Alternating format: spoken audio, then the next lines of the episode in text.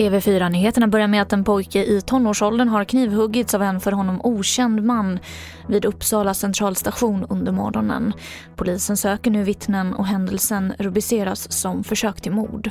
Mer om detta finns på tv4.se.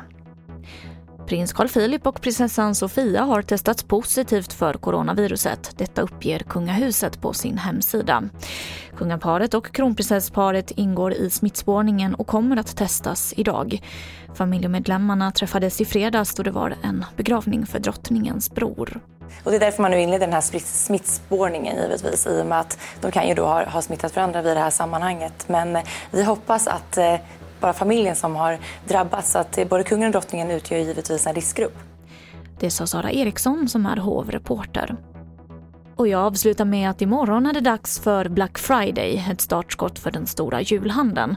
Förra året såldes varor för 7,1 miljarder kronor under den dagen.